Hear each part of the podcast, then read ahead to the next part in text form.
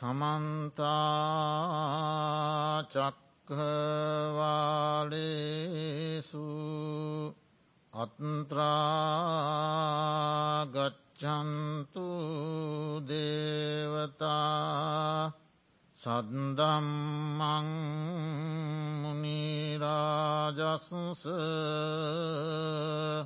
සුනන්තු සග්ගමොක්කදං දම්මස් සවන කාලු අයං බදන්තා දම්මස් සවන කාලු අයං බදන්තා දම්මස් සවන කාලු අයං බදන්තා නමෝතසස භගවතු අරහතු සම්මා සම්බුද්දස්ස නමෝතස්ස භගවතු අරහතු සම්මා සම්බුද්දස්ස නමෝතස්ස භගවතු අරහතු සම්මා සම්බුද්දස්ස සන්දල සන්දාලයිත්වාන සංයෝජනානී ජාලංව බෙත්වා සලිලම්බුචාරී අග්ගීව දඩ්ඩං අනිවත්තමානෝ ඒකෝචරේකග්ග විසානකප්පෝති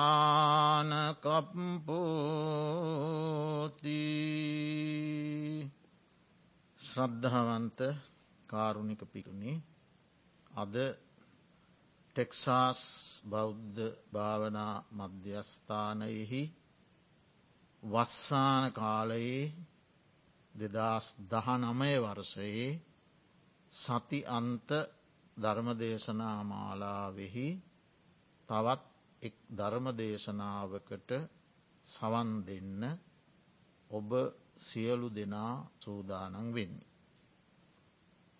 අද ධර්මදේශනාව සඳහා.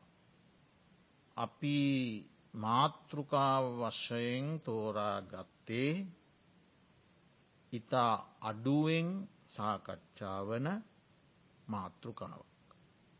ඒ කුමක්ද පසේ බුදුරජාණන් වහන්සේ. අපි නිතර සාකච්ඡා කරනවා නිතර අපේ මුවින් ප්‍රකාශ වෙනවා බුදු පසේබුදු මහරහත්ආදී උතුමන් කියන වචනය. පුදු පසේබුදු මහරහා. අපි බොහෝ විට තෙරුවන් වන්දනා කරලා අවසානයේ තුනුරුවන් සමා කරගන්නවා කයින් වචනයෙන් සිතෙන්. මා අතින් යම් වරදක් සිදු වනේ නම් ලෝතුරා බුදුරජාණන් වහන්සින්ද නවලෝතුරා ශ්‍රී සද්ධර්මරත්නයෙන්ද ආර්ය මහා සංගරත්නෙන්ද මට සමාව ලැබේවා කියලා. තින් පසේ බුදුරජාණන් වහන්සේගෙන් සමාව ලැබේවා කියන ප්‍රකාශය කෙරෙනවා බොහොම අඩුයි. සමහර විට බුද්ධරත්නයෙන් මට සමාව ලැබෙනවා කියන එකට ඇතුළත් කරලා කතා කරනවාද දන්නේ නෑ. කොහොම නමුත් තින් මට හිතුණා පසේ බුදුරජාණන් වහන්සේලා පිළිඳව සාකච්ඡා කළොත් හොඳයි කියලා. ඒ පිළිබඳව අපි පළමු ප්‍රවේශය හදාගන්නව නම් අපි නිතර පාවිච්චි කරන පිරුවානා පොත් වහන්සේ. එහි ඉසිගිලි සූත්‍රය පසේ බුදුරජාණන් වහන්සේලා පන්සිය නමක් ගැන කියවෙන. එකසිය දෙකක් පසේ බුදුරජාණන් වහන්සේලාගේ නම් ප්‍රකාශ වන. වරින්වර ඒ පසේ බුදුරජාණන් වහන්සේලාගේ නම කියන්නට පෙර ගුණනාමයක් ලෙස. ගුණනාම විස්සක් අන්තර්ගත වන සූත්‍ර දේශන. පසේ බුදුරජාණන් වහන්සේලා පන්සිය නමක් නම් එකසිය දෙකක් ගුණනාම විස්සක්. මේ ඉසිගිලි සූත්‍රයේ ඇතුළත් වෙන. අපි ඒ සූත්‍රයේ මතකන පිරිත් පිරිත් අපි යහනකොට ඉසිගිලි සූත්‍ර. ඒ පසේ බුදුරජාණන් වහන්සේලා ගැන තමා කියවෙන්. එහි ඒ නම් එකසිය දෙක කියන්න ගියොත් ධර්ම දේශනාව ඒක පොතෙන් බලාගන්නවා. පිරුවානා පොත් වහන්සේ කෙදර තියෙනවනං හැම ගෙදරක බොහෝ විට ඇති එහි තියෙනවා මේ සිගිලි සූත්‍රය. ඉතින් මේ බුදුරජාණන් වහන්සේ රජගහනුවර ඉසිගිලි පර්වතයේ වැඩඉන්න අවස්ථාවක මහා සංගරත්නය ආමන්ත්‍රණය කරලා කරන ලද දේශනාවන්. මහනෙන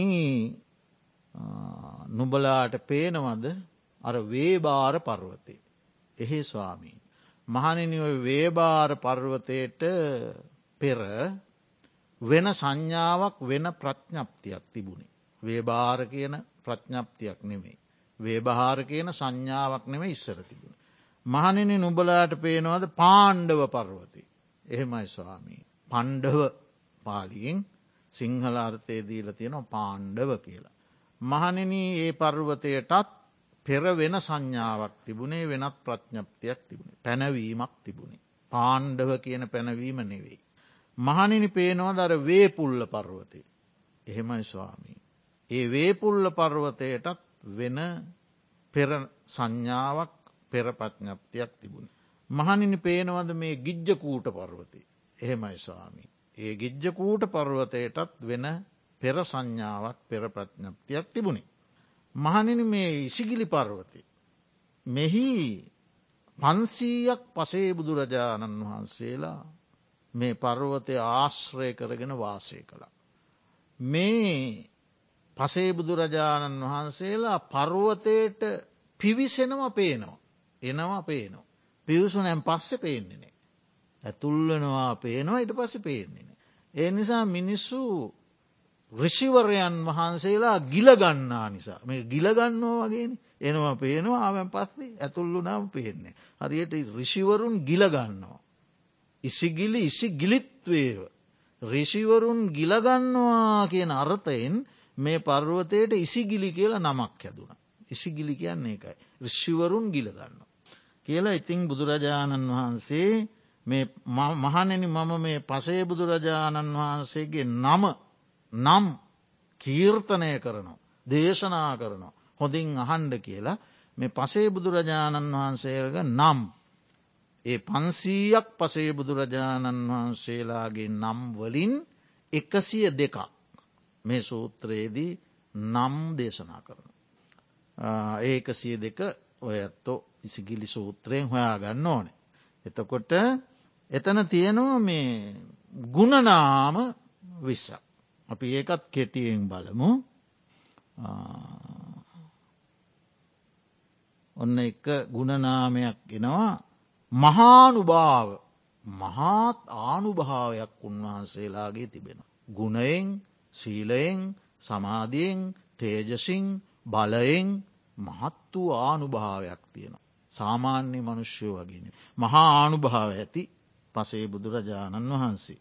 ඊළඟට බවනෙත්තිය සය කලා බවනෙත්ති කීනා බවනෙත්තිය කියලගෙන තෘෂ්ණාවට. ඒ තෘෂ්ණාවශය කළා. භවයෙන් භවය සංසන්ධනය කරන නෙත්තිය තෘෂ්ණාව ගලපන්නේ මිතෘෂ්ණාව විසින්. එතකොට බවනෙත්ති කීනා එක ගුණනාමයක්. ඊළඟට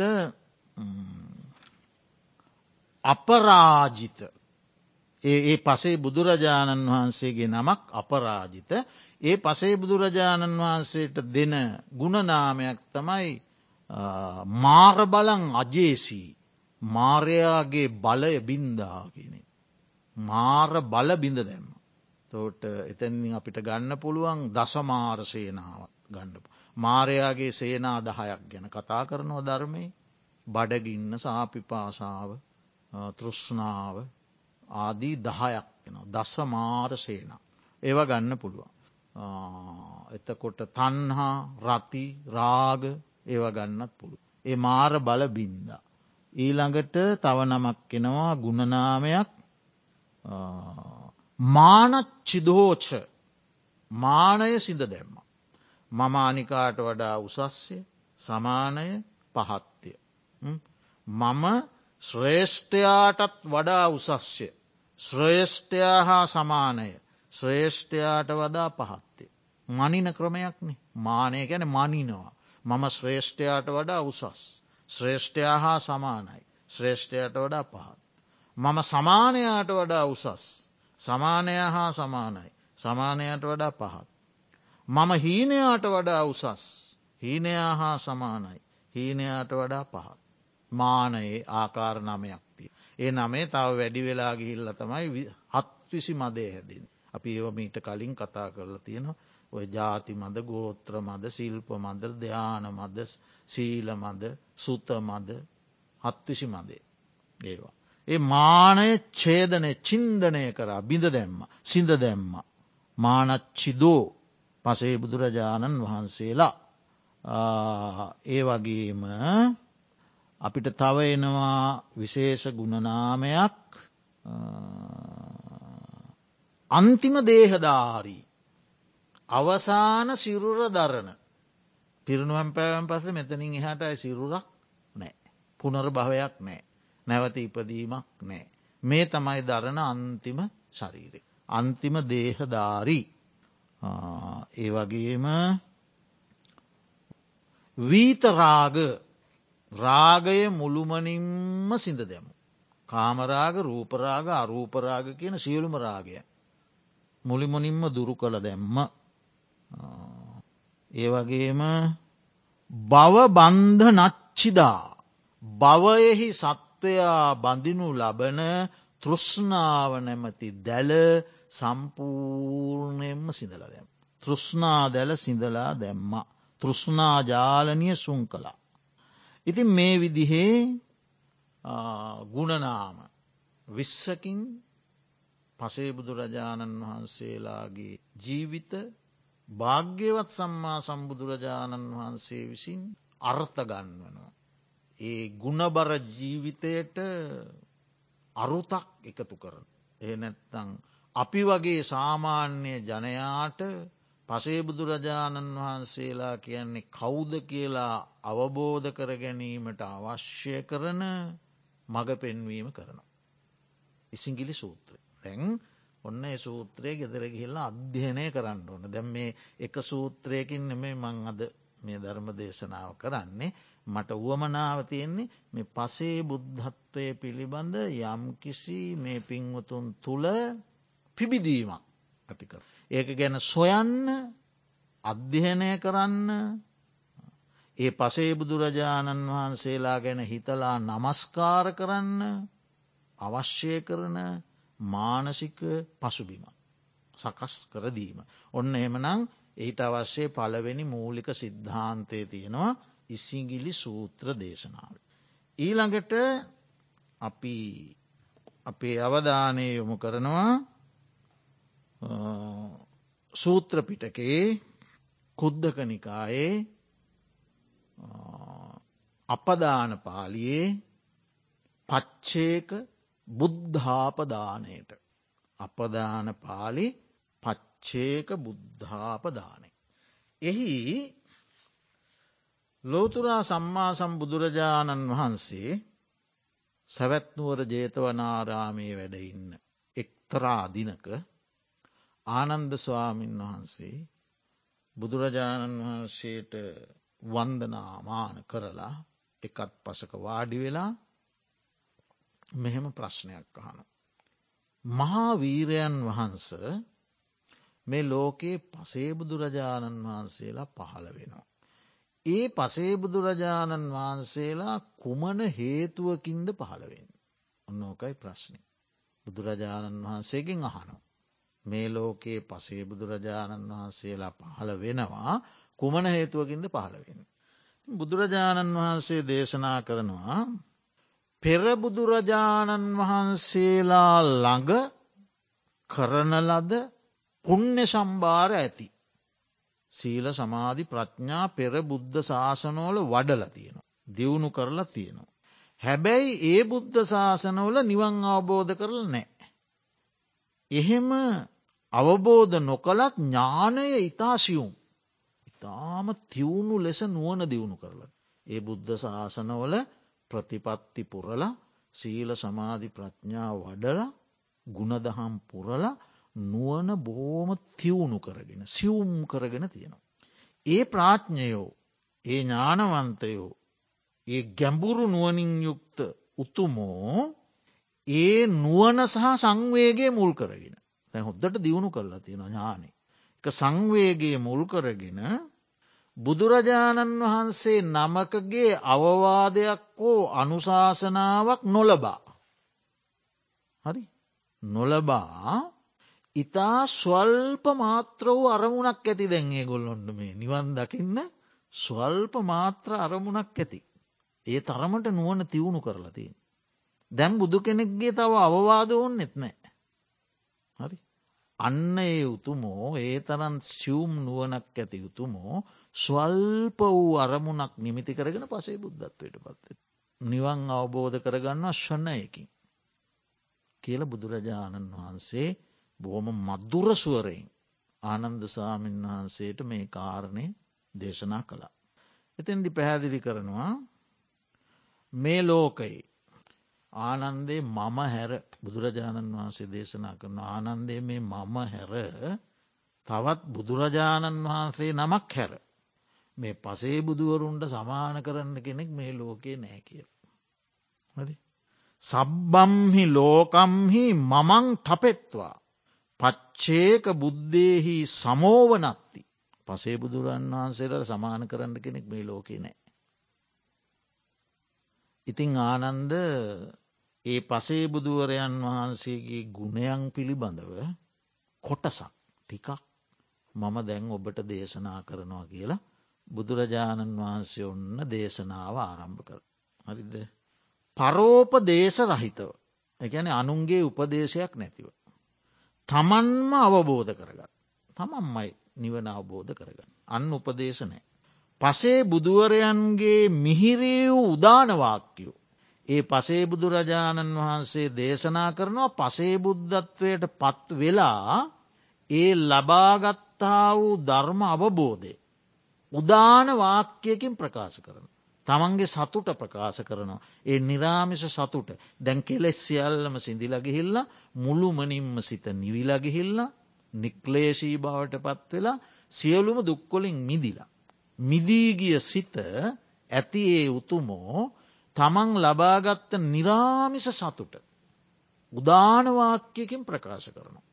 බුදුරජාණන් වහන්සේ දේශනා කරනවා ඒ උදානවාක්‍ය උන්වහන්සේලා පසේ බුදු බව ලබාගෙන ප්‍රකාශ කරන ඒ උදාන වාක්‍ය දඩුවෙල් බෑ මීවදයක් මෙන් මිහිරි වෙති. දඩුවෙල් බෑ මීවදයක කොතනින් මුව තියලා ගත්තත් පැණි රස දැනෙන්නේ මී පැණි රස දැනෙන්නේ. මොන තැනින් මොන්න තැනින් උරා බිව්වත් මොන තැනට මුවල අංකරත් මී පැණි රස දැනින්. පසේ බුදුරජාණන් වහන්සේලාගේ උදානවාක්‍යත් එහෙමයි කියෙන. පුද්දුම රසයක් වෑහෙනව කියලා බුදුරජාණන් වහන්සේ මේ දේශනා කරන්න. අනුත්තර වූ නිර්වාණ සංඛ්‍යාත අවසදය පතන සියල්ලෝම මනාකොට පහන් වූ සිත් ඇතිව අසව් කියල කියන. හරිද. එකන්නේ නිර්වාණය අනුත්තර වූ කියන ඉතාම උතුම් වූ. ඉතාම උතුම් ශ්‍රේෂ්ඨ වූ. නිර්වාණය නැමති බෙහෙත මේ තියෙන ලෙඩ ඔක්කොම සුව කරගණ්ඩ තියෙන බෙහෙතන දැන් සාමාන්‍ය බෙහෙත් වගේ නෙමේ. සියලුම ජරාව්‍යාධි මරණ සියලුම ලෙඩ සුව කරන එකම බෙහෙත නිවන. ඒ නිවන නැමති බෙහෙත පතන්නා වූ යම් කෙනෙක් වෙද්ද ඒ සියල්ලන්ට මහන්ට කියන මේ පසේ බුදුරජාණන් වහන්සේලා ගැන කියන මේ දේශනාව.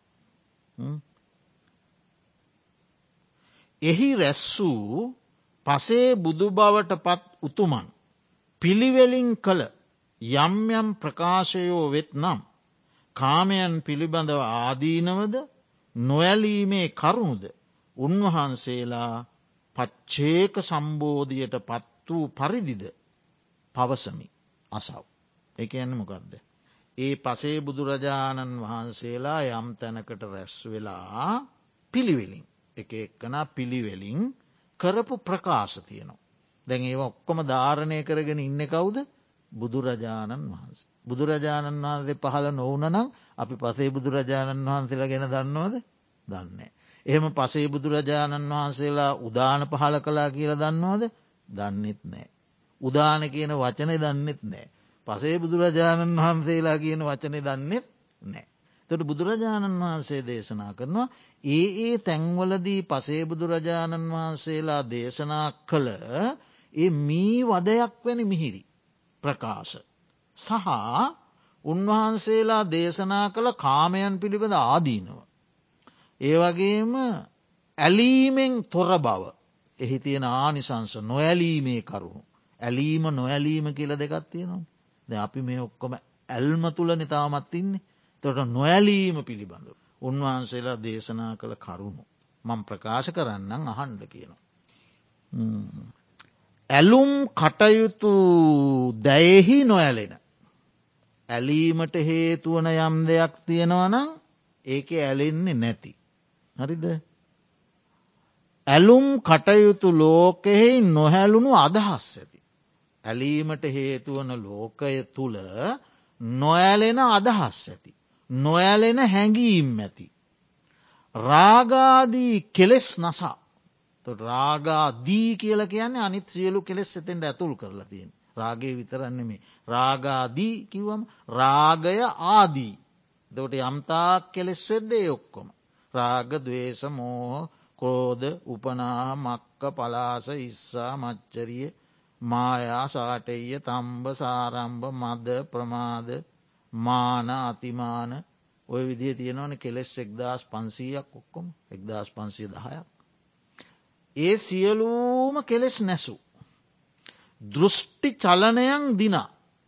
සක්කාය දිට්ටිය ප්‍රධානකොටගත් දෘෂ්ටි හැට දෙකක් මේ ලෝකයේ තියෙනවන. දිට්ටි ඒවැන්තම මිනිස්සු සැලෙන්නේ දෘෂ්ටි චලන දෘෂ්ටීන්ගෙන් චලන වෙනවා. සක්කාය දිට්ටිය ගැන මේ ආත්ම දෘෂ්ටිය. රූපවේදනා සංඥා සංකාර විඤ්ඥාන කියන පංචුපාදානස්කන්දය පිළිබඳව තියෙන මමය මාගේය මාගේ ආත්මය කියලා දෘෂ්ටියක් ලෙස ගැනීම. ඒකෙන් තමයි ලෝකය සැලෙන්නේ. මම මට මගේ. මම මට මගේ. ඕකට පහර වදිනකොට සැලෙනවා. මම මට මගේ. හරිද සැලීමේ ඔත්තනම තමයි තියෙන්නේ. චලනය. මගේ දේ උදුර ගත්තා. මගේ දේ උදුර ගනී. තව උදුර ගනත් නෑ අනාගතය උදුර ගනී උන්න සැකයක් හදාගෙන සැලෙනවා. අතීතයේ උදුර ගත්තා. අතීතයමට කරදර කලා. අතීතයට ප හිංසාවක් කලා. අතීතයමට පීඩාවක් කලා මට මට මට කලා කියන එකන තිය නොක්කොම්. මම මගේ මට මම මගේ මට. ඔතන තමයි ප්‍රධාන පුරුක. ඔය ප්‍රධාන කොට ගත්ත හැට දෙකක් වූ දෘෂ්ටියෝලින් මේ ඔක්කොම චලනො මමත් සැලෙනවා සැලෙනවා. එතවට පසේ බුදුරජාණන් වහන්සේ දෘෂ්ටි චලන ඔක්කොම දුරු කළා. දෘෂ්ටි චලන නෑ. අන්න ඒ විදියට රාගාදී කෙලෙස්සියල්ල නසලා ඇලුම් කටයුතු යම් දෙයක් වේද ඒ දෙහි නොඇලෙන හැඟීම් ඇති නොඇලෙන අදහස් ඇති කෙලෙස් නැසූ දෘෂ්ටි චලනයන් දිනා පසේ බුද්ධත්වයට පත් වූ උන්වහන්සේලා. පිළිවෙලින් පැමිණියා පසේ බුද්ධත්වයට පිළිවෙලින් පැමිණිය. ඔන්න දැන් එතනින් පස්සේ දේශනා කරනවා පසේ බුදුරජාණන් වහන්සේලා හතලිස් එක් නමක් ගැන. හත්තලිස් එක් නමක් දේශනා කරපු ගාතා. එදට එක දවසකට එක ගාන ධර්ම දේශන හතලිස් එකක් කරන්න පුළුවන්. ඒකත් තව කඩ කඩා කරන්න ගියොත් මේ එකක් එකක් ඇතුළේ තියෙන කරුණු එකක් එක දවසකට කරන්න පුළුව. හරි එහෙම ගොලුවොත් ධර්ම දේශන සිය ගානක් කරන්න මෙතන කරුණු තියෙනවා. කොම නමුත් ඔන්න හතලිස් එකක් ගැන කියනවා. එහෙම ගිහිල්ලා අවසානයේදී බුදුරජාණන් වහන්සේ දැන්ගේ හතලිස් එකින් එකක් අද කියල දෙනවා. අවසානයේදී බුදුරජාණන් වහන්සේ ඒ දේශනාව කෙලවර ද මතක තියාගණ්ඩ ඉස්සරලා ආනන්ද ස්වාමීන් වහන්සේ ඇහුවා. රසි බුදුරජාණන් වහන්සේ එකට ප්‍රවේශයක් මේ තමයි පසේ බුදුරජාණන් වහන්සේලා කියන ප්‍රවේශයක් ගත්තා. ඊට පස්සේ හතලිස් එකක් පසේ බුදුරජාණන් වහන්සේලා කළ උදාන බුද්ධත්වයට පත්වෙලා කළ උදාන හතලිස් එකක් දේශනා කළා. ඊට පස්සේ නැවත නිගමනයකට එනවා. එකන අපිට දෙනවා මේ.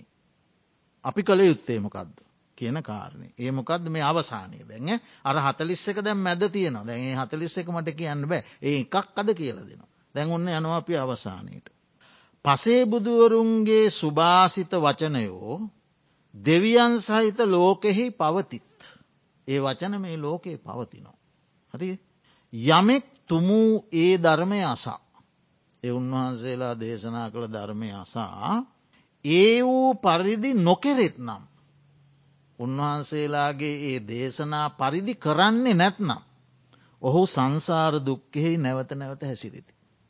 ඒකට පසේ බුදුරජාණන් වහන්සේලාට කරන්න දෙයන්නේ. උන්වහන්සේලා ධර්මයක් දේශනා කරලා තියෙනවා. උදාන වාක්‍ය වශයෙන්. තින් බුදුරජාණන් වහන්සේ කියෙනවා ඒදේ යමෙක් කරන්නේ නැත්නම්. ඒකට පසේ බුදුරජාණන් වහන්සේලා වැරදිකාරයෝ නෙවෙයි. නේද. කරන්නේ නැත්නම් ඔවුන් සංසාර දුක්කේ නැවත නැවත හැසිරෙනවා. අපි අපි ගැනවේ කියන් නැවත නැවත හැසිරෙනවා. පසේ බුදුවරුන්ගේ සුභාසිත වචනයෝ පැණි වැගිරෙන්න්න වූ මී වද වැනිය. ඒ අසා යමෙක් තුමූ ඒ වූ පරිදි ප්‍රතිපත්තියෙහි යෙදෙන්න්නාහු නම්. ඔහු තුමූ චතුස්සත්‍යය දක්නා වූ සප්‍රාඥයෝ වෙති. ඒ විදිහට ක්‍රියා කරනවනං යම් කෙනෙ ඒ පැණි වෑහෙන මී වදවැනි ඒ අවවාද පිළිගෙන ක්‍රියා කරනවනම් ඒ කරන කෙනා චතුරාර්ශත්‍යය දක්නා වූ මහා ප්‍රඥාවන්තය වෙනවා. ගෘහාභි නිස්ක්‍රමණයකුට එකැන ගිහිගෙදර අතහැරල දාලා. ක්ලේෂයන් දිනු රාගදවේශ මෝහාදී කෙලෙස් දිනු. පසේ බුදුවරයන් වහන්සේලා විසින් වදාලා වූ ගාථාවෝ උදාරවෙති. අර හතලිස්ස එක ඒව උදාරවෙති. සාක්‍ය සාක්‍ය සිංහ ගෞතම බුදුරජාණන් වහන්සේ විසින් ඒ ගාථා ධර්මාවබෝධය පිණිස දේශනා කරන ලදී. ඒ පසේ බුදුවරයන් විසින් දේශනා කරන ලද මේ ගාථාවෝ නුවනැත්තන්ගේ සංවේගයක් නුවනැත්තා තුළ සංවේගය ඇති කර මේ සසර පිළිබඳව සංවේගේ පිණිසත් නොඇලීම පිණිසක්. ඒ සංවේගේ සහ නොඇලීම වැඩිදියුණු කිරීම පිණිසක්. සංවේගයයි නොඇලීමයි. වැඩිදියුණු කිරීම පිණිසත් සම්මයක් සම්බුද්ධරජාණන් වහන්සේ විසින් දේශනා කරන ලද සේක කියන එකයි අවසාන. දොට අපි මේ පච්චේක බුද්ධාපදානය අපදාන පාලියේ ඔන්න මුල ප්‍රවේශයකිව්වා අග නිගමනයක. දැන් මැද තියෙනවා ගාථා හතලිස්ස එක. ඉතිං අනාගතය අපි ජීවත්ව හිටියොත් අපිට ඔය පින්වතුන් අපේ ධර්ම සාකච්ඡාවට එහෙම සම්බන්ධ වනාම අපි ඉදිරියට එක ඒක සාකච්ඡා කරමු. ඉතින් අද අපි එකක් ඉගෙන ගන්න. ඒක තමයි මාතෘකා කළේ. මොකදද මාතෘකාව සන්දාලයිත්වාන සංයෝජනානී ජාලංව බෙත්වා සලිලම්බුචාරී අග්ගීව දඩ්ඩං අනිවත්තමානෝ ඒකෝචරේකග්ග විසානකප්පු තේරුම? දැල පලාගන ගිය මත්සයකුමෙන් මතක තියගන්න. දැල පලාගන ගියපු මාළුවෙක් වගේ. දැලකට බැඳිලා ඉන්න මාළුවෙක් දැල පලාගෙනයන් තෝට දැල පලාගෙන ගිය මත්සයකුමෙන් සංයෝජනයන් සිින්ද බැඳීම් සංයෝජන බැඳීම්.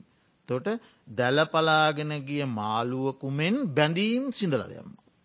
දැවීගිය තැන නොනැවතෙන ගින්නමෙන්. යම් කිසි තැනක දැවුනම ඒ තියෙන දර කැබලි තනකොල කැබලි ඔක්කොම දැවිලගිය දැවිල ගේල දැන් ගින්න නිවුණ ඔක්කොම දවල ගින්න නිවුණ. ඒ නිවුණ ගින්නා එතෙන්ට එන්නේ. නිවුණ ඉවරයි. හරිද යන්න ඒ වගේ. දැවීගිය තැනක නැවත නොවැන ගින්නමෙන්. කරුණු දෙකයි තියෙන්. දැලපලාගෙන ගිය මාළුවකුමෙන් බැඳීම් සිඳ දැම්ම. දැවුන තැනකට නැවත නොයන ගින්නක් මේ. අයෙන්නෑ. එසේ කංග වෙහෙනෙකුගේ අඟමෙන් හුද කලාව හැසිරෙනවා. මොකතමයි ගාථාවේ අර්ථය. දැලපලාගෙන ගිය මාළුවෙකු මෙන් සංයෝජන සිඳ දමා. දැවුන තැනකට නැවත නොයන ගින්නක් මෙන්. කඟවෙහෙනෙකුගේ අගසේ හුද කලාව හැසිරෙන. කඟවේනුකගේ අඟ කියල කියන්නේ කග්ග විසාන. කග්ග කියන කඩුව. කග්ග කඩුව. එතකොට විසාන කියන්නේ අඟ. කඩුවක් මෙන් තිවුණු අඟක්. කඩුවක් මෙන් තිවුණු අඟක්. කඩුවක් හා සමාන තිවුණු අඟක්. ඒ කාටද කියන්න කඟවේනා. ඒ කඟවේනා කියන සතාට තියෙන එකම එක අඟයි. අං දෙකක් නෑ. එක කඩුවක් වගේ තිවුණුයි. අන්නේ වගේ. කාත් එක්වත් ඇසිරීමක් නෑ.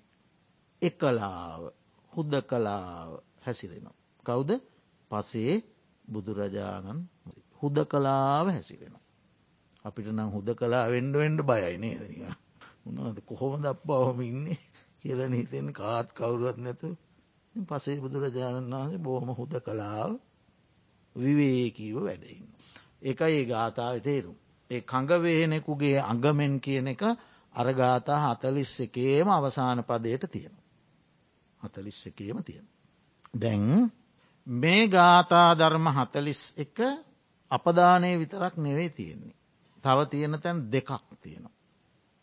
සූත්‍රපිටකයේ සංයුක්ත නිකායට අයත් සුත්ත නිපාත කියන ධර්ම ග්‍රන්ථයේ කග්ග විසාන සූත්‍රය. ඒකෙත් මේ හතලිස් එකම තියෙනවා. ඊළඟට මේ හතලිස් එකට පදයක් පාසා අර්ථ විවරණයකය දෙනවා සාරිපුත්ත මහරහතන් වහන්සේ චුල්ල නිද්දේශ පාලි ග්‍රන්ථේ. එහි තමයි අර්ථ විවරණය තියෙන. එතෝට ඔන්න දැන් තැන්තුනක තියෙනවා. අපදාන පාලි සුත්තනිපාත චුල්ල නිර්දේශ පාලි මේ හතලිස් එක. දැන් අද ඉගෙන ගන්න මේ හතලිස් එකෙන් එක ගාථාවක් පමණයි එහි නිධානය අපි බලමු.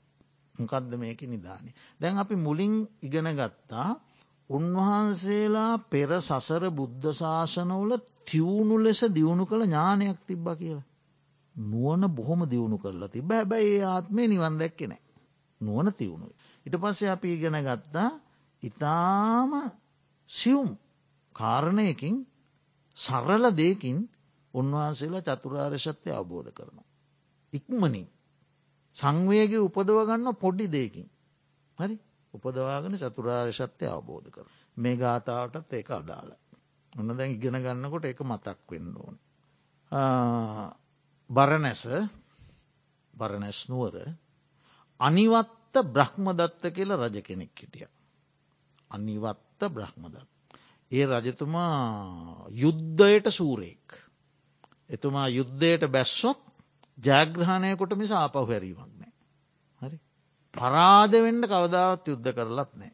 හැම්ම යුද්ධයක්ම ස්තිරෝම ජයග්‍රහණ. ඒ තරම් යුද්ධ සූරේ. එනිසා ජනයා අතර බොහොම ජනප්‍රියයි. රාජ්‍ය ආරක්ෂාව පිළිබඳ ප්‍රබල චරිතයක්. ඉතින් මේ යුද සූර අනිවත්ත බ්‍රහ්මදත්ත රජතුමා දවසක් උයනට යන. උයන් කෙලිය කියලා තියෙනවන් රජවරුන්ගේ උයනට ගිහිල්ලා සතුට්ටු වෙලා විනෝද වෙලා එන සිරිත. උයනට යනකොට එක ප්‍රදේශයක ලැව්ගින්නක් හටගෙන. දැන් තිවුණු නුවනක් තියෙනවා. ලැව්ගින්න දැක්ක ගමන් ඒක අරමුණක් කරගත්. කොහොමද කරගත්තේ අහෝ මේ ලැව්ගින්නෙන් මේ ප්‍රදේශය දැවිල යනවා. දැවිල නිවිලගයාම අය හටගන්න. එතන ඒගින්න හටගන්න එක හටගත්ත දැවුණ නිවුණ. මගේ ජීවිතයත් එකොලොස් ගින්නකින් නිතර දැවමින් මේ තියෙන්නේ. කවද්ද මම මේ එකොලොස් ගින්න නිවල දාලා අර නිවීගිය ගින්නක් මෙන් මගේ ජීවිතය නිවාගන්නේ. ද අපි ඕක දැක්කනං ගින්න ඇවිලුවේ කවුත් තරහකාරය විරුද්ධවාදයෙක් මඩගහන්ඩ ඇවිළුවාද ආණ්ඩුවට එරෙහි වැවිලුවාද. අපිට ඕක නොයෙකුත් අරකන අපි අපි ඕකින් විදර්ශනා පැත්තර නෙමේ අපි ඕකක්කො දේශපාලන ප්‍රශ්නයක් කරගෙන මහා අවුල් ජාලාවක අපි පැටලෙනවා. එක තම අපේ නුවන එතුමාට මේක කෙලීම ප්‍රශ්නයක් වුණේ සසරත් එක්ක එතුමා බැලවී. නුවනේ වෙනස ඔන්න අඳුනගන්න එතුමා බැලුවේ මේ ගින්න හටගන්නවා මේ ප්‍රදේශය දවල නිවිල යනවා ඒ නිවීගිය ගින්න නැවත හටගන්නේ. මමත් මේ එකොලොස් ගින්නකින් දැවෙන ජීවිතයක් ගත කරන්න. ප්‍රශ්න තිබිලන මේ එකොලොස් ගින්න මතක් වුණේ කණ්ඩ නැතුවන මේ බොන්්ඩ නැතුවන මේ අදින්ට නැතුවන මේ මේ ඊළඟට අන්තප්පුරයක් නැතුවන මේ ඔක්කොම තියෙනවන රජ කෙනෙක්න. යුද්ධයෙන් පරාජවෙත්ති මානසිකත්වය ඇති කෙනෙක් නෙවෙයි රටක් තියෙනවා රාජ්‍යයක් තියෙනවා ජනයා කැමති යුද සෙම්පතියක් කියල මුළු රටේම ජනයා රජතුමාට ආදරේ ඒ ඔක්කොමත් තියෙනවා. ඒත් එතුමාට මතක් වුණේ මේ කොළොස් ගින්න. අන්න ඒක තමයි අර බුද්ධ ශාසනවල දියුණු කරපු තිවුණු තීක්ෂණ ඥානය ගිය. ඒක අරමුණක් කරගෙන ඉතින් ගිය. තව ඉදිරියට ගිය. එහෙම ඉදිරියට යනකොට එතුමාට එතුමා දැක්ක මිනිසු පිරිසක් ජලාසයක් ළඟ කෑගහන. මොකදී. මිනිස්සු මාළුවල්ලන්ට දැල් දාලා. එක දැලකට අහවුන මාළුවෙක් ලොක්කු මාළුවෙක් දැල කඩාගෙන ගිහිල්ල. මිනිසුන්ට හරි අලාභයක්. ඒ මාළුවා විශාලත්වයෙන් වැඩි දැල කඩාගෙන ගියා කියලාර දීවරයෝ පිරිස කෑගහනු. ඒකත් රජතුමා අරමුණක් කරගත්ත. මොකක්ද අරමුණ මේ දැල කඩාගෙන ගිය මාළුව නිදහස් වුනා දැලින්. දැලේ බැඳුනනම් එයාට හිමිවන්න මරණය. මමත් මේ තන්හා දැලක බැඳිල ඉන්නේ. මේ තන්හා දැල කඩාගෙන සියලු බැඳීම් සිඳ දමන්නේ කවද්ද මම. අරමුණු දෙකයි. ආවා. මැති ඇමති මණ්ඩල කැඳවල රාජ්‍ය පැවරුව. මහනවුන් හුද කලා වුණ. අනිත්‍යතාදිය විමසන්න ගත්තා අරාරමුණු දෙකම මුල් කර. ගින්න දැල කඩාගෙන මාළුවා ඒ අරමුණු මුල් කොටගෙන අනිත්‍යාදී ලක්ෂණ විමසනකොට අර තිවුණු නුවන මෝදු වෙලා සකලක් ක්ලේෂයන් නසා පසේ බුද්ධත්වයට පත්වන. පසේ බුද්ධත්වයට පත් වෙලා හුද කලාව ගාථාවක් දේශනා කළ. ඒ ගාථාව අහන්ට එක්කනෙක්වත් හිටිය නෑ. එක උදාන ගාථාවක්. ඒ ගාථාවට කිසිවෙක් නෑ සවන් දෙෙන්ට. නමුත් අපේ බුදුරජාණන් වහන්සේ ගාථාව දන්න. මේ අහවල් පසේ බුදුරජාණන් වහන්සේ මෙහෙම ගාථාවක් උදානයක් දේශනා කලා කියන එක දන්න. තිං අපේ බුදුරජාණන් වහන්සේ ලෝ පහළ නොවනානම් මේ සන්දාල ඉත්තාන කියන ගාථාව කිසිම පොතක ලැබෙන්නේ. කිසිම සටහනක් මේ ලෝකයට ඉතිරි වෙන්නේ. ඒ පසේ බුදුරජාණන් වහන්සේ පිරිනුවම් පාලගයා ඒ ගාථාවත් එහෙම්ම අභාවයට පත්වන. තිං අපේ භාග්‍යවත් සම්මා සම්බුදුරජාණන් වහන්සේ අපි වෙනුවෙන් ඒ ගාථාව ආනන්ද ස්වාමීන් වහන්සේ දිරියේ ප්‍රකාශ කළ. ගාථාවේ අර්ථය නැවත ගත්තොත් දැලපලාගෙන ගිය මත්සයකුමෙන් සංයෝජනයන් සිඳ දමා දැවී ගිය තැන නොතැවෙන ගින්න යම්සේද එසේ කඟවේහෙනෙකුගේ අගසේ හුද කලාව හැසිරෙන්නේ. දැන් අපි බලමු මෙහි අර්ථ. මාළුවා තමයි මේ ඉන්න මාලු මාළුවා. ඒ පසේ බුදුරජාණන් වහන්සේගේ රජකාලයේ චරිතයට ගත්තොත් ඒ රජතුමා තමයි මාළුවා. දැල තමා තන්හා දෘෂ්ටි දෙක. ඒ දැලේ මේ ඔක්කොම අපි බැඳිලඉන්න. තන්හා දැල දිට්ටි දැල. දිට්ටි. දැන් ඉස්සල්ල අපිකිව සක්කාය දිට්ටිය ප්‍රධානයගේ මම. මගේ මට. හරිද? ඒක හරි ප්‍රධාන දෙයක්. බුදුහාන්දුරුව දේශනා කලා එක් අවස්ථාවක සුනකයෙක් බැඳල ඉන්නවා දම්වැලකින් කනුවක දම්වැලකින් කනුවක බැඳල ඉන්නවා සුනකේ. ඒ සුනකයා ඇවිදින්නේත් ඒ කනුවට. ලගින්නේත් ඒ අනුවට. නිදාගන්නෙත් ඒ අනුවට. ආහාරගන්නෙත් ඒ අනුවට. මළමූපහ කරන්නෙත් ඒ අනුවට ඌට ගලවගණ්ඩ බෑනෙ. දංවෙලෙන් බැඳල ඉන්න කනුවේ. ඒක වටාව තමයි හෝගේ හැසිරීම් සියල්ලව. කන්න බොන්න නිදන ඔක්කොම එක වට. ඒ වගේ තමයි මිනිසා. තන්හා නැමති එක යන්නේ මම ආත්ම දෘෂ්ටිය නම් වූ කනුවේ. තන්හා නැමති දංවලින් බැඳල තියෙන. තේ මේ මම මම මම මම මම මේක වටා කැරකි කෙරකින්න. මේක කඩාගෙන යන්න බෑ හරි අමාරු. මම මගේ මට. තන්හා නැමති දංවලෙන් බැඳල තියෙන.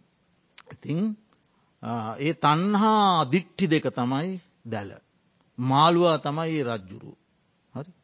එතකොට ඒ දැලට බැඳීම තමයි සංයෝජන. දැලට බැඳීම සංයෝජන. මොනවද සංයෝජන.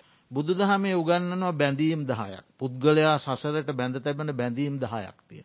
එක සූත්‍රාන්ත්‍ර ක්‍රමයට දහයයි අභිධර්ම ක්‍රමයට දහයයි දෙකේ පොඩි වෙනසක් තියෙනවා. සූත්තාන්ත්‍රකමයට උගන්වන දහය සක්කායදිට්ටි විචිකිච්චා සීලබ්බත පරාමාස කාමරාග පටිග රූපරාග අරූපරාග මාන උද්දච්ච අවිද්‍ය දහයයි. දස සංයෝජන. සසර බැඳ තබන රැහැන්. අභිධර්ම ක්‍රමයට එනකොට උද්දච්ච සංයෝජනය වෙනුවට ඊර්ෂයා මාත්සර්ය කියන සංයෝජන දෙක ඇරන්තියනවා ඊළඟට රූපරාග අරූපරාග දෙක බවරාග කියලා එකක් වසයෙන් රන්ති. රූපරාග අරූපරාග දෙක එකක් කරලා බවරාග කියලා එකක් විදිහට අරන්තියනවා. අතන උද්දච්චය වෙනුවට දෙකක් දාලතිය. ඕකයි වෙනස එක ලොකුවට සලකණ්ඩ දෙයක් නෑ.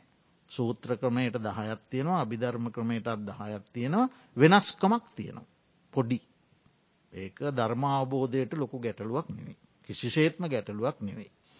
එතවට කොහොම නමුත් සංයෝජන මේවැන් තමයි මේ අපි බැඳල තියෙන්නේ. සක්හාය දිට්ටිය. ඒක විසි ආකාරයි. රූප වේදනා සංඥා සංකාර විඤ්ඥාන. මේ පංචුපාදානස්කන්දය. රූප කොටස වේදනා විඳිනු ලබන වේදනා හඳුනාගනු ලබන සංඥා සංස්කරණය කරනු ලබන චේතනා දැනගනු ලබන විඤ්ඥාන රූප වේදනා සංඥා සංකාර විඤ්ඥාන. එතවට මෙන්න මේ ස්කන්දයන් එකක් හතර බැගින්. ආත්ම දෘෂ්ටියෙන් විසි ආකාරයකට බැඳීම සක්කහාය දිට්ටි. විචකිච්චා බුද්ධාදී අටතැන්හි සැකය. බුද්ධයකංකති දම්මේකංකති සංගේකංකති පුබ්බන්තයකංකති අපරම්කයකංකති ගැන බුදුරජාණන් වහන්සේ ගැන සැකේ ධර්මය ගැන සැකේ සංඝයා කෙරේ සැකේ පෙරභවය ගැන සැකය මතු භවය ගැන සැකය පටිච් සමුපාද ධර්මය පිළිබඳ සැකය චතුරාර්ය ශත්‍යවබෝධය කළ උතුමන් පිළිබඳ සැකය ඔය විදිහට බුද්ධාදී අට තැන්හි සැකය. ඒ සැකය සබ්භාසෝ සූත්‍රයේදී දාශය ආකාරයකින් ගේනවා අතීතයේ මම හිටියාද? හිටියේ කවරෙක්වද? කවරෙක්ව සිට කවරෙක් වූයේද? කෙසේ සිටියෙම්ද? ඔය විදිහේ ඒ ඔක්කෝම හටගන්න මේ අතීතය හෝ අනාගතය හෝ වර්තමානය ඔක්කොම හටගන්න මේ මමම මම්ම තමයි. අතීතය මම හිටියාද? හිටිය නැද්ද හිටියේ කවරෙක්වද කවරෙක්ව සිට කවරෙක් වූයෙම්ද කෙසේ සිටියෙම්ද ඔක්කොටම පදනම මෙතන තමයි. මම මම සිටියද. මම අනාගතය සිටිනවාද දැන් ඉන්නවාද මමම තමයි ප්‍රශ්නි. ප්‍රශ්නයට මුල එතනයි මම. එතවට ඒ විදියට දාශය ආකාරයකට සැකේ විස්තර කරන සබ්භාසෝ සූත්‍රයේ වෙනත් සූත්‍රවල අට ආකාරයට එවිචිකිච්චා. ඒකත් සංයෝජනය සක්කාදිට්ට විචිකිච්චා. ඉළඟට සීලබ්බත පරාමාස. සීලාදී වෘතයන් පරම කොට ගැනීම. ඒම තමයි මෝක්ෂයට මග. ට සමාධි ප්‍රඥා ඔන්නෑ සීලයේ ඇති. එක වෘතයක් කොට ගන්න. සීලබ්බත පරාමාස. ඊලාට කාමරාග පංචකාම සම්පත්තියෙන් පිළිබඳ ඇල්ම. ඉළඟට පටිගය අප්‍රිය අරමුණුවල ඇතිවෙන ගැටන ස්වභාවේ. ඉළඟට රූපරාග රූපාවචර බ්‍රහ්මලෝක සහ රූපාවචර ධ්‍යානයන් පිළිබඳ ඇල්ම. ඒ ධ්‍යානයන්ට බැඳිලා එක කඩාගෙන යන්ට බැතන හිරවෙලා ඉන්න. ධ්‍යාන ලබාගෙන එතන හිරවෙලා ඉන්න එතනින් හට යන්න බෑ. අරූපාවචර ධ්‍යාන. ආකාසානංචායතන විඤ්ඥානංචායතන ආකින්චඥායතන නේව සංඥානා සංඥායතනගෙන අරූපාවචර ධ්‍යාන ලබාගෙන එතන හිර වෙලා ඉන්න. එතනින් හට ඇන්න බෑ. එටගෙන අරූපරාග. ඊළඟට මාන්නය මැනීම ඉස්සල්ලා මංකවේ නව ආකාර මැනීමක් ගැන. මම ශ්‍රේෂ්ඨයට වඩා ශ්‍රේෂ්ඨයම ශ්‍රේෂ්ඨය හා සමානවම ශ්‍රේෂ්ඨයට වඩා හීනවම ඔය විදිේ නමාකාර මාන්‍යය ඒත් එක්ක බැඳුණු සත් විසි මදේ ඒවා මාන. රූපරාග රූපරාග මාන. ඊළඟට උද්දච්ච හිතෙහි ඇතිවෙන වියලි අලුගොඩකට ගලකින් ගැහුවම වගේ විශිරෙන ස්වභාවේ. චලනය උද්දච්ච. ඊළඟට අවිද්‍යා පරම මලකඩේ අවිද්‍යාව. දස සංයෝජන. එතකොට රජතුමා මේක දැක්කා. මාළුවා දැලපලාගෙන ගිය ඒ වගේ මමත් මේ තන්හා දිට්ටි කියන දැල පලාගෙන සංයෝජනයන් සිඳ දමා යන්ඩෝන. ඊළඟට දැවී ගිය තැන නොතැවෙන ගින්න යම්සේද. දැවිල නිවිලගිය ගින්න එතෙන්ට අයාවි නෑ එන්නේ නෑ. ඒ වගේ මා මගේ ජීවිතය එකොළොස් ගින්නකින් දැවෙනවා. මොනවන්ද දැවෙන්නේ රාගගින්න දවේශගින්න මෝහගින්න ජරාගින්න ව්‍යාදිගින්න මරණගින්න සෝකගින්න පරිදේවගින්න දුක්කගින්න දෝමනස්සගින්න උපායාසගින්න. එකොළහයි. ඒ පොත්තොල නෙම මේ ජීවිතවල තියන්නේ. පොත්තොල කියන්න මේ අපිළඟ තියෙන ඒව තමයි. රාගගින්න තරහගින්න මෝඩකම නැමැතිගින්න දිරාපත්වීම. ඔච්චර හරි ඒක වෙමින් පවතිනවා. ෂණික ජර දිරාපත්වීම.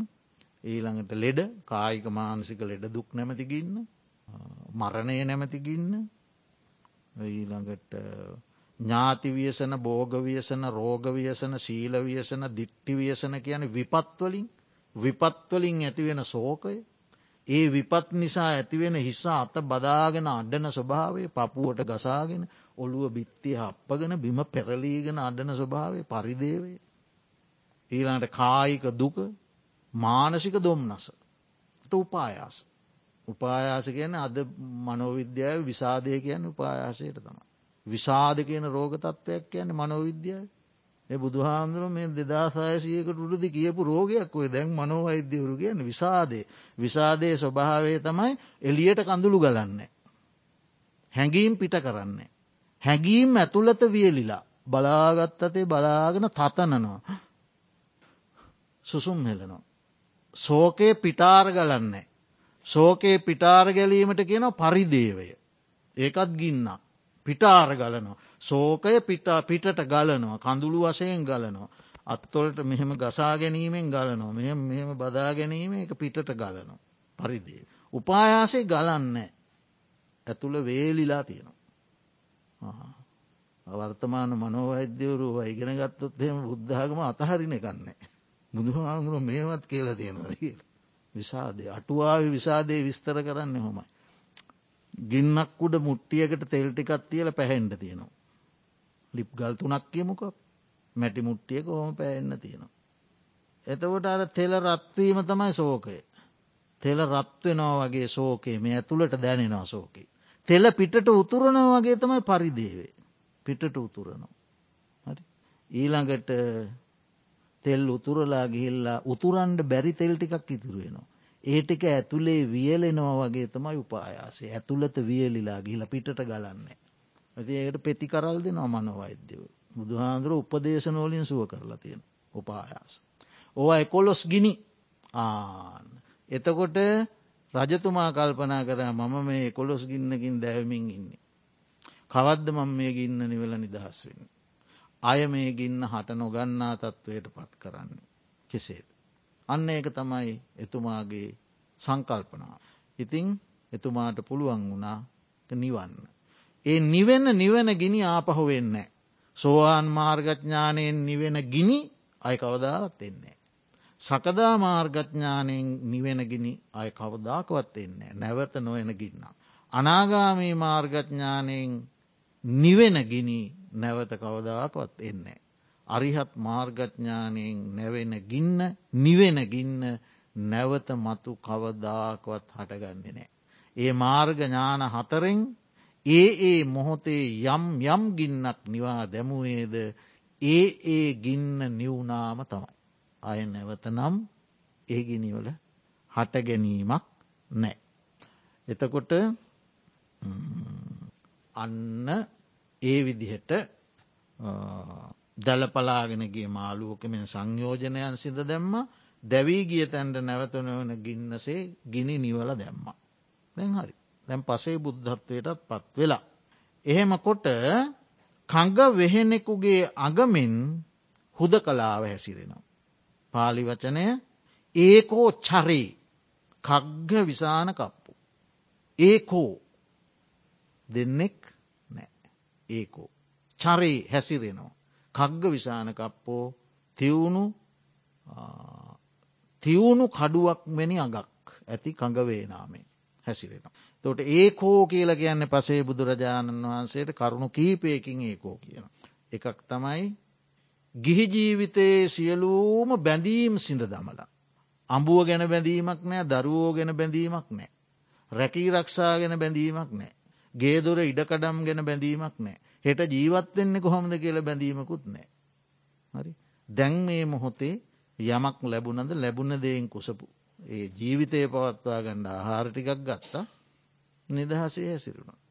ගේ ජීවිතයේ බිඳීම් ඇලීම් ගැලීම් බිඳීම් සියල්ල සිඳ දැමීමටත් කියනවා ඒකෝ කියලා. ඒකෝ දැන් එක්කනයි. ඊළඟට බුදුහාන්දුරෝ දේශනා කරනවා තන්හාාව දෙවැන්නෙක් කියලා. යම් කිසි කෙනෙක්කින්න ඈත දුර බැහැර. සැතපුම් දුනු පන්සීයක් ඇත දුන්නකින් ඊතලයක් විද්දම ඊතලේ ගිහිල්ල වැටෙනවන තැනක. ඒ එක තැනක වැටෙන දුර තියෙනවනේ ඒ වගේ දුරවල් පන්සීයක් ඇත වන සෙනසුනක කෙනෙක් ඉන්නවා තනිවම. හුද්ද කලාව තනිව ඉන්න.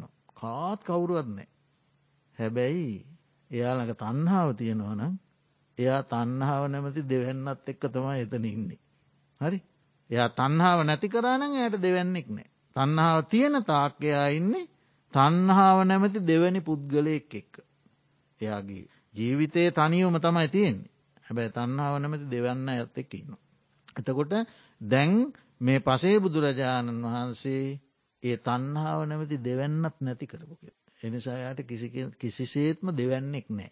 එය තනියෙන් තමයි. ඒකෝ කියන ඒ කාර්තයක්. තුර ගිහි ජීවිතයේ බැඳීම් සඳ දැමීම කාර්තයක් තන්හාාව නැමති දෙවන්නා නැතියක තවාර්තය.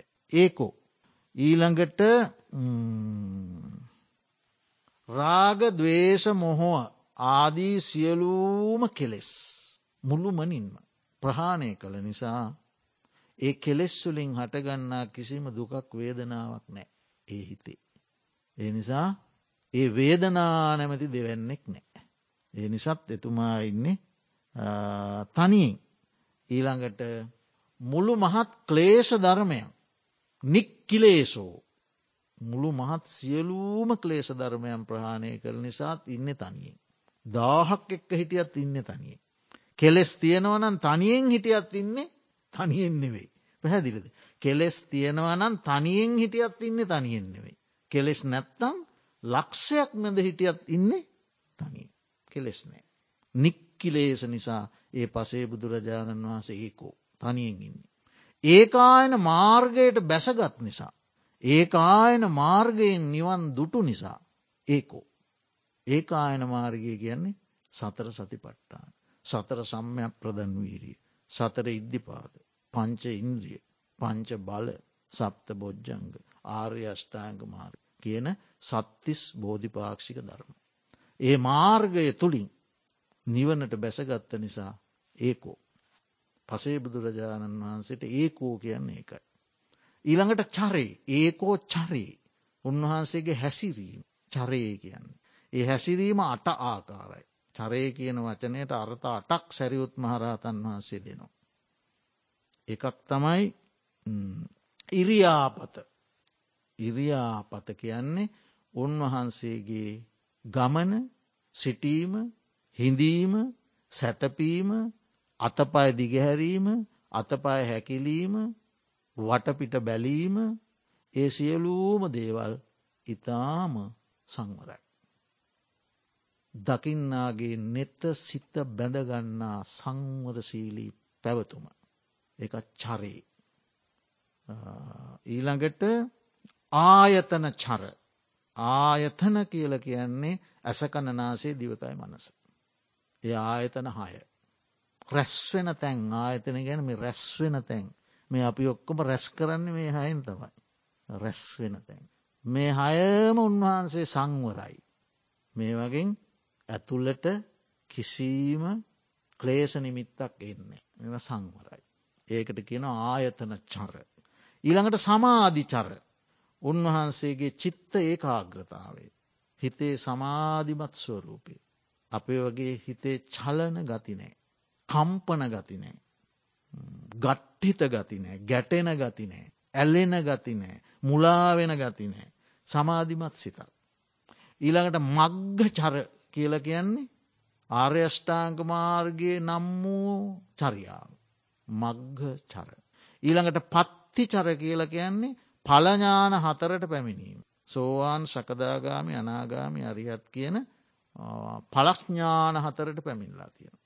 පසේ බුද්ධත්වය තුළින්. ඊළඟට ලෝකත්ත චරියා. උන්වහන්සේ ලෝකයට මහාලොකු ධර්ම දේශනා නොකොළත් ඒ හැසිරීමම ඒ ඒ හැසිරීමම ලෝකාර්ථ චරියාවක් ඊළඟට සති උන්වහන්සේගේ සිහිනුවන පැවැත්ම. සති කියල කියන්නේ අප්‍රමාදී බව සෑම ඉරියව් පැවැත්මක්ම සිහියෙන් යුක්තව පැවැත්වීම. ඔය කියන ලද චරියාවන් අටක් චරේ කියන වචනය උගන්නන. එතකොට ඒකෝ චරේ. අන්නේ චරියාවන්ගෙන් යුක්ත හුද කලාව හැසිරෙන කඟවේනකුගේ අගක් මෙන් හුද කලාව හැසිරෙන උත්තුම් මුළු මහත් ලෝකයාගේම වැඳුම් පිදුම් ලබන්නට සුදුසු. පසේ බුදුරජාණන් වහන්සේ නමක් බවට අර මහා යුද සෙන්පති අනිවත්ත බ්‍රහ්මදත්ත රජ්ජුරු පත් වුණ. ඉතිං අපිත් මේ කරන්න වූ ඉගැනීම් සාකච්ඡා ධර්මශ්‍රවනාදී පින්කම් අපිට කියන්න පුළුවන් අපිට අනාගතය උපකාර නොවන්නේ කියලා. කියන්න බෑ. අපිට උපකාර වේවි කියන විශ්වාසය අප ඇති කරගන්න ඕන. මේ මේ පසේජාණන් වහන්සේලාගේ හතලිස් එකම අපි චරිත අධ්‍යයනය කළොත් ඉතාම සුළු දෙකි. ඉතාසියුම් දෙකින් චතුරාර් සත්‍ය අවබෝධ කළාය. ඒ ඇයි සසර ගමනේදී ඒ ඒ බුද්ධ ශාසන තුළ සීල සමාධි ප්‍රඥා වඩලා ප්‍රඥාව තිවුණු කරගත්ත නිසා. උන්වහන්සේලාට පුළුවන් වුණා ෂණයකි. අපිට මේ ඇමසන් වනාන්තරයගෙන ගත්තත් අව බැරි වෙලා තිබුණට නේද. ගිනි තිබ්බ කවුද මේ ඔහොමන අපි කතා කරන්න. මසන් වනාන්තරයක් ගිනි අරන් තිබත් අපි තාමත් ඒක ධර්මයට හැරවි නෑන තුන්වහන්සේට පුළුවන් වුණා මේ පොඩි ගින්නක් කරවන්න. ඒ තමයි සසරදී ඒ දියුණු කරලා තිබ්බ ඥානශක්. ඒ අපි තේරුම් ගන්න ඕන නිසා හොඳට බණ ආහන්්ඩෝන බණ ඉගෙන ගන්න ඕන බණ සාකච්ඡා කරන්න ඕන බණ මෙනෙහි කරන්න ඕන ඒවා ඔය ඇත්තු කරන ඒවා දිගටම කරන්න නවත්තන්න. ඊළඟට අපි බලමු පසේ බුදුරජාණන් වහන්සේලා ගැන අපිට ඊළඟට අපිට තියෙන්නේ අටුව අට්ට කතා සාහිත්‍යය තුළ. මේ පෙළ දැන් අපි මෙතෙක් කතා කළ ඉසගිලි සූත්‍රය අපදාන පාලි චුල්ල නිර්දේශ පාලි සුත්ත නිපාතය වක්කොම පෙළදා. ඉට පස්සේ අපිට එන්නේ අටුවා සාහිත්‍යය. අටුවා සාහිත්‍යයට ගයාම අපි කවුරුත් දන්න ප්‍රබල කතා දෙකක් තියෙන තව ඇති අටුවාවල එකක් තමා අපුත්තක සිටු.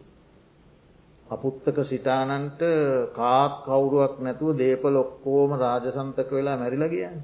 කෑවෙනෑ බිව්වෙනෑ ඇන්දනෑ හිසට හොඳ කුඩයක් පාවිච්චි කළේ නෑ පවට හොඳ පාවහන් දැම්මෙනෑ හොඳ රතයක ගියනෑ සේවක හොඳට කණ්ඩවියල දුන්නම සේවකයන්ට බනින හොම කාල හම්බ කරන්න පුළුවන්දාන සේවකයන්ට බනිනො කාඩි හොද්දක් එක්ක නිවඩු හාලි සුණුස හලේ බට්ටිකක් ඇෑ ඔහොම කාල හම්බ කරන්න බෑගල බනිනවල එති ඔහොම තමා හිටිය.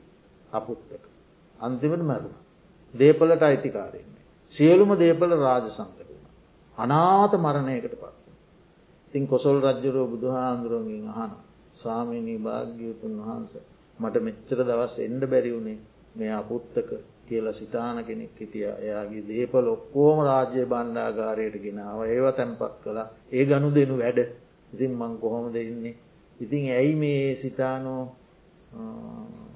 ඒ සිතානන්ට එච්චර ධනයක් තිබුල කෑවි බිව්වෙ නැත්තයයි ඇඳල පැළඳලා හිටිය නැත්තයයි මොකදේ කියල? බුදුහාන්දුර දේශනා කළ තගර සිකී කියලා පසේ බුදුරජාණන් වහන්සේ නමක් හිටිය. මේ මනුසය ඒ කාලෙත් සිටු කෙනෙ. කවද්දාකවත් දන්දුන්නේ.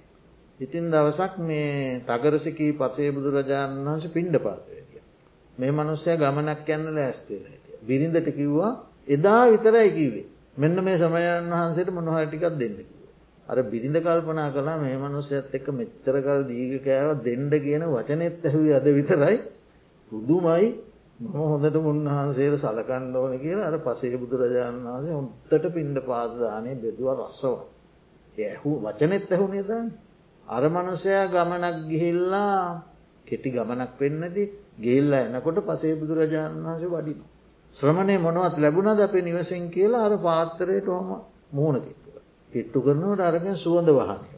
අපරාධ මම මේ ශ්‍රමණයාට දෙන්න කිව්වේ මගේ සේවකයකුට දුන්නනම් මොනහරි වැඩක් කරගන්න තිබුණ මේ සමනය මේවා හොදට කාල නිදාගනී කියලා හිත නරක් කරග. අන්න එක අවස්ථාව කටුවා. එතකොට ඒ තගරසිකී පසේබුදුරජාණන් වහන්සේට දන් දෙන්න කියලා අදහසක් ඇතිකරගෙන එක බිනිදට ප්‍රකාශ කලාන දෙන්න කියලා යාන නියෝග කර. ඒ නිසා ධනය ලැබුණ. ඒ දුන්න දානය නිසා පස්සෙ පසු තැවිලුණ අප රාධිමන් දුන්න කියල පසු තැවිලුණන ඒ නිසාර ලැබුණ දනයෙන් කණ්ඩ හිතෙන්නේ. අඳින්ඩ හිතෙන්නේ. වාහනයක් අන්ඩ හිතෙන්නේ. සෙරෙප්පු දෙගත්දාන්න හිතෙන්නේ. කුඩයක් කියලන්ඩ හිතෙන්නේ. අනුන්ට දෙන්නේ. අරවක්කෝම තියෙද්දි මිනිහ මැරලගේ. ආනේ නිසා දන්දීල සතුටු එන්න කියල කියන. ඒ දීල අපරාධි දුන්න කියලා හිතුවොත් ඒක හීන වෙන දාන. ඒක තැන. එහෙම තැන් ගොඩාක් තියෙනවා. ආයේ සුප්ප බුද්ධ කුට්ටි. බුදුරජාණන් වහන්සේ ධර්ම දේශනා කරන තැනකට කුෂ්ට රෝගියකාව. ඇඟ පුරාම කුෂ්ටයක්. මිනිහෙතුව කෑම දෙන තැනක් කියලා. කණ්ඩ තැනක් හොයාගෙන යන මනුස්සේ. බුදුහාදුරු බැලුවා කාටද මමාද අරමුණු කරගන්න ධර්ම දේශනාවට බැලුවම් මේ සුප්ප බුද්ධ කුට්ටිට සෝවාන්ෙන් වාසනාවතිය. බුදුරජාණන් වහන්සේ යාරමුණු කරගෙන ධර්මය දේශනා. එයා ධර්මය ඇහුවා කයම ඉල්ල හොයාගෙනාපු මනුස්සයා සෝවන්න. පස්සේ ගව දෙනක් විසින් ඇනල මැරුණ. බුදුහාමුදුරුවන්ගින් ඇහුවා අනි ස්වාමීන් වහන්සේලා මේ සුප්ප බුද්ධ ගව දෙනක් ඇනලා මැරලා තියෙනවා. එකට හේතු මොනවද? මෙයා මේ කුෂ්ටරෝගයක දීර්ඝ කතාවක් කටුවාව අපි මේ මෙතනට අදාළ කොටස විතරක් ගත්තොත් මෙයාට කුෂ්ටරෝගයක් ඇදෙන්ට හේතුව එක් පසේබුදුරජාණන් වහන්සේ නමක් දෙවුර වසා පෙරවා පාත්තරයක් අරගෙන පින්ඩ පාත යනකොට එක ආත්මභාවයකදී මෙයා. ඒත් තගරසිකී පසේ බුදුරජාණන් වහන්සේටමයි විසිගිලි සූත්‍රය තියනවා ඒ නම මෙයා අර පසේ බුදුරජාණන් වහන්සේ දැකලා හිතනරක් කරගෙන මොකද ඔහේ මේ ඔළුවේ මේ කරේ ඉනම් මේ ඇඟ වහගෙන යන්නේ. ඔයගේ මේ මොනහරි හොයා හරිහම්බ කරගෙන කණ්ඩ බොන්්ඩ බැරිද. මොකද මේ ඇඟ වහගෙන යන්න ඇගේ කුෂ්ටයක්ද කියලෙකු. කියල කාරලා කෙලගෙව්. ඇගේ කුෂ්ටයක් හැතිල දැහුව මේ ඇඟ පුරා වහගෙනයන්. කාරලා කෙලගෙව. ඒ අකුසල විපාක වශයෙන් තමයි අන්ත දිලින් දෙක් වෙලා ඇඟපුරා කුෂ්ටරෝගයට. හැබැයි කුසල් කරලා තිබුණ සසර ඒ ජීවිතයේදි සෝවාන්. එක සුප්ප බුද්ධ කුට්ටි සූත්‍රය. ඒ විදිහට මේ පසේ බුදුරජාණන් වහන්සේලා පිළිබඳ අටු ආසාහිත්‍යයෙන් අපිට කරුණු ඉදිරිපත්. බැහැර කළ නොහැකි දේ. ඒ වගේම ලංකාවේ පසේ බුදුරජාණන් වහන්සේලා අඩුම තරමින් දෙනමක් හිටපු බවට ලංකා සාහිත්‍යයෙන් කරුණු දිරිපත්. ඒ තමයි රසවාහිනී වංස කතා ආන රසවාහිනී ධාතු කතා රසවාහිනී ධාතුවන්සය සහ මහාවන්සේ. මහාවන්සේ රසවාහිනිය සහ ධාතුවන්ස. ඒ ග්‍රන්ථ තුරේ. එයින් එකක් ගන්ධමාන පර්වතයේ වැඩ සිටපු පසේ බුදුරජාණන් වහන්සේ නමක් හැම දාම දහවල් දානය සඳහා නාගදීපයට වැඩිය බව. ඒ නාගදීපයේ එක්තරා නුග ගසක් මුල සිට දානය වැළඳූ බව. පින්ඩ පාති කරගන්න නුග ගහමුල ඉඳගල දානය වලද. ඒ දානය වැළඳවාට පස්සේ එක මනුෂ්‍යයෙක් පුරුදු වෙලා ඉඳල තියෙනවා පාත්තරය සෝදලාදේ. ඒ පාත්තරයේ සෝදා දුන්න මිනිසා තමයි සුමන සමන් දෙවියන් කියලා ඔන්න ඒ මහාවංස ආදී සාහිත්‍යය ග්‍රන්ථවල සඳහන්. සුමන සමන් දෙවියෝ යනු ඒ පාත්‍රේශයදු කෙන. ඊළඟ කතාවස්තුව ශ්‍රී ලංකාවේ මුල් බෙදීම් කාලේ මලය කියල කොටසකට බෙදිල තිබුණ ඔය නිකවැරටි පුත්තල මේ සයිට් එක මලය ප්‍රදේශ. එතෝට මලය කියන ප්‍රදේශයේ චණ්ඩාල ග්‍රාමයක් තිබුණ සැඩුල් ගම. ඒ චණ්ඩාල ග්‍රාමයේ චණ්ඩාල නායකෙක් හිටිය. ඒ ප්‍රදේශයේ එක්තරා ගල් ලෙනක අසේ බුදුරජාණන් වහන්සේ නමක් වැඩ හිටිය.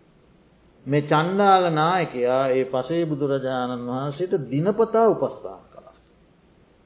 කෞදේ චණ්ඩාල නායකය.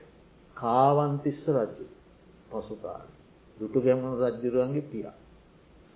ඒ වංස කතා. ඒ වගේම නිකවැරටියේ සවරං තෙල් ගල කියලා ගල් ගුහාාවක් මම නිකවැරටිය මෙච්චර ඉඳලා දන්නෑන් මෙච්චරකල් හොයාගත් දන්නවන යනවා බල. සවරන් තෙල් ගල මං හිටිය බොහෝ කලක් නිකවැරටි. එහි තියෙනවලු සෙල්ලිපියක් ඒ ගල්ලනේ දසවන පචේක බුද්ධ ස්තුප බුද්ධ තුප බුද්ධ තූප දසවන පච්චේක බුද්ධ තූප කියලා සෙල්ලිපිය. එක මොකක්දි ගැන්. දසවන පසේ බුදු රජාණන් වහන්සේගේ ස්තුපය. ඒලනේ තියෙන එතකොට පුරාවිද්‍යා චක්කවර්තය එල්ලාවල මේදානන්ද ස්වාමීන් වහන්සේ තමයි මේ හොයාගෙන තියෙන. ඒ ස්වාමීන් වහන්සේ තාම ස්තීර නිර්මාණ නිගමනයකට ඇවිල නෑ මේ දසවන පසේ බුදුරජාණන් වහන්සේ කියන්නේ ඉසිගිලි සූත්‍රයේ දසවැනි පසේ බුදුරජාණන් වහන්සේ ඉසිගිලි සූත්‍රයේ පිළිවෙලට එකසිය දෙක නම් කරනකොට දහවැනි ඇතමයි නීත. මේ නීත පසේ බුදුරජාණන් වහන්සේද කියන ප්‍රශ්නයක් ඉතිරි කරලා නමුත් තියෙනවලු නිකවැරටි ඒම සෙල්ලි. ඒ අනුව ස්තීරව නිගමනය කරන්න බෑ ලංකාවේ කොතෙක් පසේ බුදුරජාණන් වහන්සේලා හිටියද කියලා. නමුත් දැනට තියෙන වංස කතානුව දෙනමක් ස්තීරවෙද. අන්න හො දැන් ඉතින් ඔය කරුණු පස්සේ හොයන එකයි තිය. හතලිස් එකම බලන් කැමතිනම් මං ඔන්නාද එක කතාවක් කියලා දුන්න. ඒ නිසා ඉතිං තෙරුවන් වන්දනා කරලා දිනපතා බුදුන් වැඳලා බුද්ධාදී රත්නත්‍රය සමා කරගන්නකොට පසේ බුදුරජාණන් වහන්සේලාත් සමා කරගත්තට කමක් නෑ. සිංහලෙන් කියලා පාලිගාතාවක්ම ඔන්නේ අනන්ත සංසාරයේ පටන් ලෝතුරා බුදුරජාණන් වහන්සේලාගේ පසේ බුදුරජාණන් වහන්සේලාගේ නවලෝතුරාශ්‍රී සද්ධර්ම රත්නය ආර්ය මහා සංගරත්නය මගින් යම් වරදක් වුණානම් ඒ වරදට මට සමාව ලැබේවා කියල සමාවගත්තට වරදක්. එතකොට අපි මේ පින්වතුන්ට ආශීර්වාධගාථාවක් දේශනා කරනවනේ සබ්බේ බුද්ධහා බලපත්තා පච්චේ කානංච යම්බල. අරහන්තානංච තේජේන රක්කං බන්ධාමි සබ්බස. මොකක්දයෙන් කියන්න. මේ ලෝකයේ යම්තාක් සම්මා සම්බුදුරජාණන් වහන්සේලා පහළ වූ සේක්ද ඒ සියලු බුදුරජාණන් වහන්සේලා ඥාන බල ගුණ බල තේජ බල ආදී මහා බලධර්මයන්ට පත් වූ. ඒ බුද්ධාදී උතුමන් වහන්සේලාගේ උතුම් ගුණ බලයෙන්ද ලෝ පහළ වී වදාළ පසේ බුදුරජාණන් වහන්සේලාගේ උතුම් ගුණ බලයෙන්ද ආ මහ රහතන් වහන්සේලාගේ උතුම් ගුණ බලයෙන්ද ඔබට ආරක්ෂා සපේ පාර්ථනාවක් කොසිංකුවත් ආරක්ෂාව ලැබේවා. අර්ථය වසයෙන් තියෙන ආරක්ෂා සපයමි. එතෝට එතනත් ඒ ගාථාවෙන් ආශීරවාද කරනකොට පසේ බුදුරජාණන් වහන්සේ ගැන කියමින් තමයි අපි ආශීර්වාද ගාථාව දේශනා. ඉතිං ඔන්න ඔය කරුණු ටික තමයි ඔය සියල්ලනෙමේ අද දවසට ප්‍රමාණමත් පරිදි ඒ මාතෘකාව අපි තබාගෙන විස්තර කළේ.